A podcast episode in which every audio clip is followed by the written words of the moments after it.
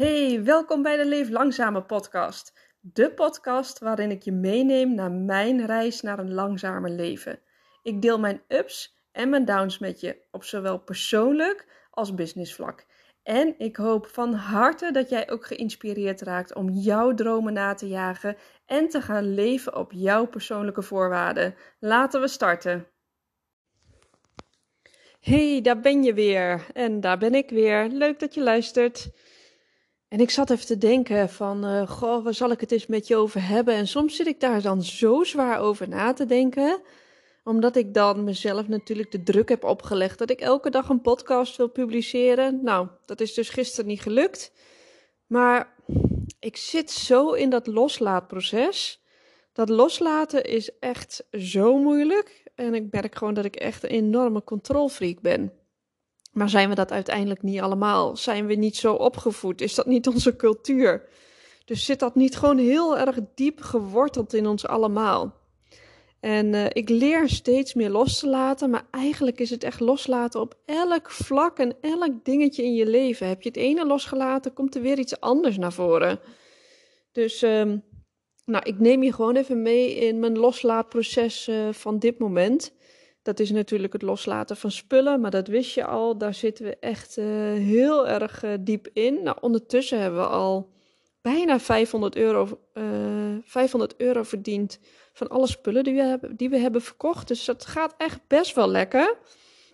Maar ja, het gaat mij natuurlijk niet snel genoeg, genoeg want in elk hoekje in huis staat wel of een verhuisdoos of allemaal losse dingetjes die op marktplaats staan. Want ja, waar bewaar je dat allemaal? Dus het, het oogt wat rommelig, maar ach, het is nog steeds heel goed leefbaar. Dus dat kan ik, dat kan ik best wel loslaten. Um, en ja, verder zit ik heel erg te denken over de scholen van de meiden. Uh, van de oudste, Janne, weten we nu dat zij uh, zeker de wereldschool gaat doen. Dus dat is heel erg mooi. Een paar vakken zoals filosofie en maatschappijwetenschappen. En ze is net geswitcht van Latijn naar Spaans. Maar gek genoeg kan je dus Spaans niet als examenvak doen bij de wereldschool. Dus dat is echt heel erg gek.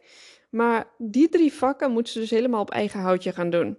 Dus dat is even een uitdaging. Maar ik denk dat ze met ondersteuning van Diederik dat wel zou kunnen. En we gaan ook vragen aan haar huidige school of ze toch, met name met zo'n vak als filosofie, waarbij je toch heel veel met elkaar praat en discussieert. En um, ja, daar leer je juist heel erg veel van. Of ze dan toch niet nog wat aansluiting kan vinden bij de huidige school. Dus weet je, nee hebben we, ja kunnen we krijgen. En dan denk ik met de andere twee kinderen geen idee. Geen idee wat die moeten gaan doen. Dus dat moeten we daar gaan uitvinden, gaan voelen, gaan kijken. Maar aan de andere kant heb ik zoiets, als Janne straks druk bezig is met de school, die heeft dan al een beetje een dagelijkse structuur. Ik heb een dagelijkse structuur voor mezelf sowieso al. Dan hebben we nog um, Jolien en Elske die dat niet hebben. En Diederik kan daar voor zichzelf wel voor gaan zorgen. Die gaat natuurlijk ook wel wat met een massagepraktijk opbouwen. En misschien iets met uh, campers doen. Misschien wel onze eigen camper verhuren daar in Spanje. Dus dat komt ook wel goed. Maar zo bang dat die meiden zich zo gaan vervelen. Dan zie je dat al helemaal voor je. Van die scenario's dat ze maar op de bank hangen of op hun... Uh, um, op hun telefoon de hele tijd zitten, op hun kamer. Ja, dat is dan dus weer het ego wat er met mij vandoor gaat. Dus daar moet ik echt vooral niet te lang in blijven hangen. Dus dat is echt mijn training op dit moment, om dat wederom iedere keer weer los te laten. En het gaat best goed, maar sommige momenten merk ik dat het toch weer eventjes iedere keer weer in mijn hoofd komt binnensluipen. Ja, en soms ben je nou ook eenmaal wat rustiger en wat stabieler dan andere momenten. En um, grijpt het je wat eerder dan, uh, dan anders. Dus dat uh, zijn we ook aan het loslaten. En verder, waar gaan we wonen in Spanje? Tja, ik had daar eerst helemaal nog geen last van. Dat ik dacht van, ach, dat zien we wel. En na de zomervakantie is een veel betere periode om uh, daarna te gaan kijken. Dus ik ben daar ook nu echt naar gaan kijken en heel erg actief op zoek. En ik ben ook uh, berichtjes gaan sturen naar Spanjaarden die daar huizen hebben via allemaal verschillende websites. Ik kom van, het ene, van de ene website op de andere website. Het nadeel is alleen dat ze allemaal vakantiewoningen hebben met ook vakantiewoningprijzen. Uh, weet je, van, een, van 1000 euro tot 2000 euro per week. Nou, dat is nou niet helemaal waar ik op zat te wachten. En als het dan niet de prijs is, dan is het wel de inrichting. Nou, eigenlijk is het meestal eerst de inrichting, want er is bijna geen huis zonder een grand over de banken. En als ik ergens toch echt allergisch voor ben, dan zijn het grand want dan denk ik, wat heb je daaronder allemaal te verbergen? Dat is hetzelfde als een huis te koop zetten op Funda, maar geen foto's van de badkamer of de keuken erop hebben. Dan denk je van, hmm, daar is iets flink mis. Daar moet wat gebeuren. Dat gaat veel geld kosten. En dan heb ik het nog niet eens over al die spreien, over al die bedden in Spanje. God, wat een lelijke bedden hebben ze toch. Of ze zijn echt van het lelijke antieke eikenhout, of ze zijn allemaal van die stalen frame. Maar het is allemaal zo kil en zo koud en heel erg druk en donker. En de huizen in Spanje zijn al veel donkerder van binnen, omdat ze natuurlijk zo min mogelijk zonlicht naar binnen willen hebben. Waar wij dat hier in Nederland juist heel veel willen hebben. Dus allemaal grote raampartijen hebben ze dat daar juist niet. Dus als je al weinig daglicht binnen hebt en dan ook nog eens een keertje alles met donkere meubels inricht, daar krijg ik toch wel een beetje error van. Het klinkt nu als een super verwend nest misschien wel, maar weet je, ik heb gewoon nu een prachtig huis met heel veel licht, met mooie lichte meubels, redelijk ja, modern met een beetje een uh, retro tikje erbij. En als ik dan nu straks ergens iets ga huren, kan je wel zeggen van ja, dan moet je gewoon niet te veel eisend zijn. Maar ik moet me toch ook ergens een beetje thuis gaan voelen. En ook de kinderen, het is al een enorme stap. Dus dat soort dingen gaan spoken dus ook allemaal door mijn hoofd. En dat is dan ook weer loslaten over de kop. Want dan moet ik denken van oké okay, Mike, je zit nu weer te veel de, erin. Je bent er te veel mee bezig. Laat het los en dan komt het vanzelf op je pad. Dus ik heb het net even losgelaten. En toen in één keer kreeg ik een berichtje in mijn, uh, in mijn mail. Want ik had toch nog iemand weer een berichtje gedaan van... Goh, die had mij gezegd dat het uh, uh, 6600 euro was voor twee maanden. Wel potverdrie. Ik denk, mijn lieve, wat een prijs is dat? Dat is meer dan onze hypotheek. Veel meer. Dat was nou niet helemaal de bedoeling. Onze overwaarde gaat dan meteen de deur uit. Maar uh, ik denk, weet je, ik kan het toch alsnog een keertje proberen. Ik ga toch met hem in gesprek en ik heb gezegd: Oké, maar wat zijn dan uh, je prijzen voor, uh, voor het schoolseizoen, voor het winterseizoen? Want ze hebben voor het hele schoolseizoen, zeg maar, hebben ze andere prijzen dan gewoon in de zomer. Waar een huis misschien 1500 euro per week doet.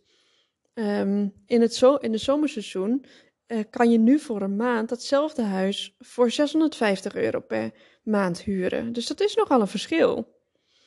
Dus ik denk, weet je, ik ga het gewoon proberen. Want zij proberen natuurlijk ook gewoon hun hoofd boven water te houden en uh, het meeste eruit te halen. Hoe mooi zou het zijn als je het wel kan krijgen?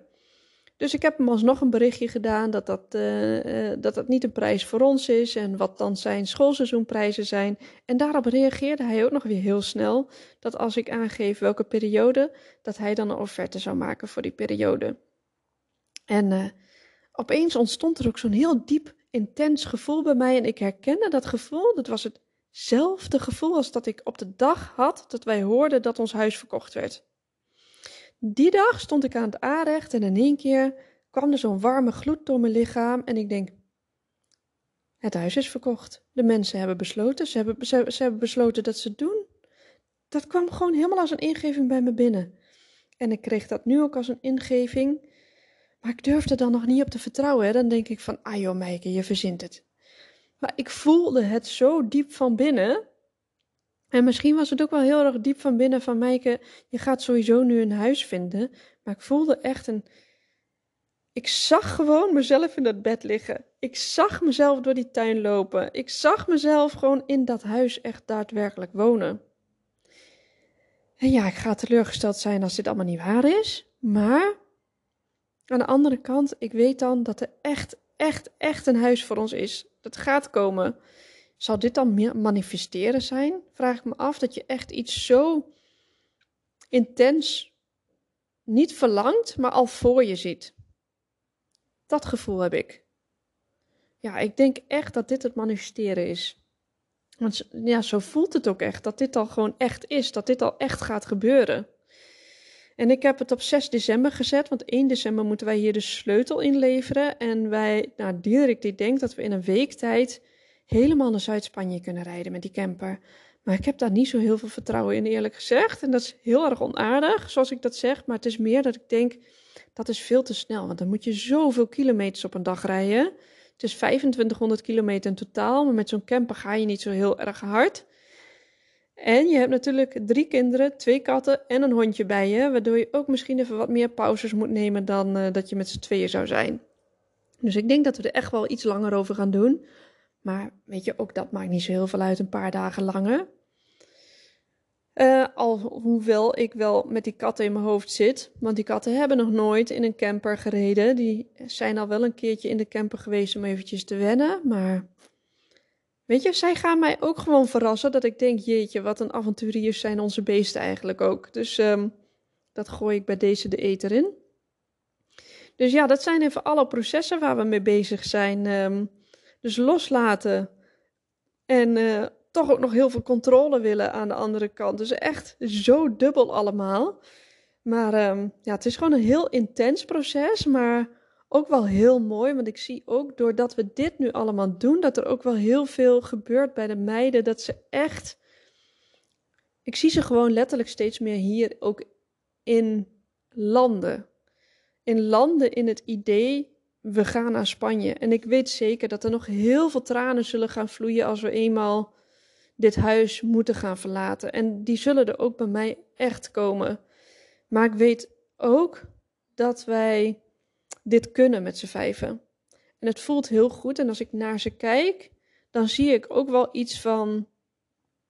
Um, iets van, van zin erin hebben. Zoiets van. Net als dat je uh, op vakantie gaat, wat je dan ziet bij kinderen. Dat zie ik nu ook bij hen ontstaan, heel langzaam.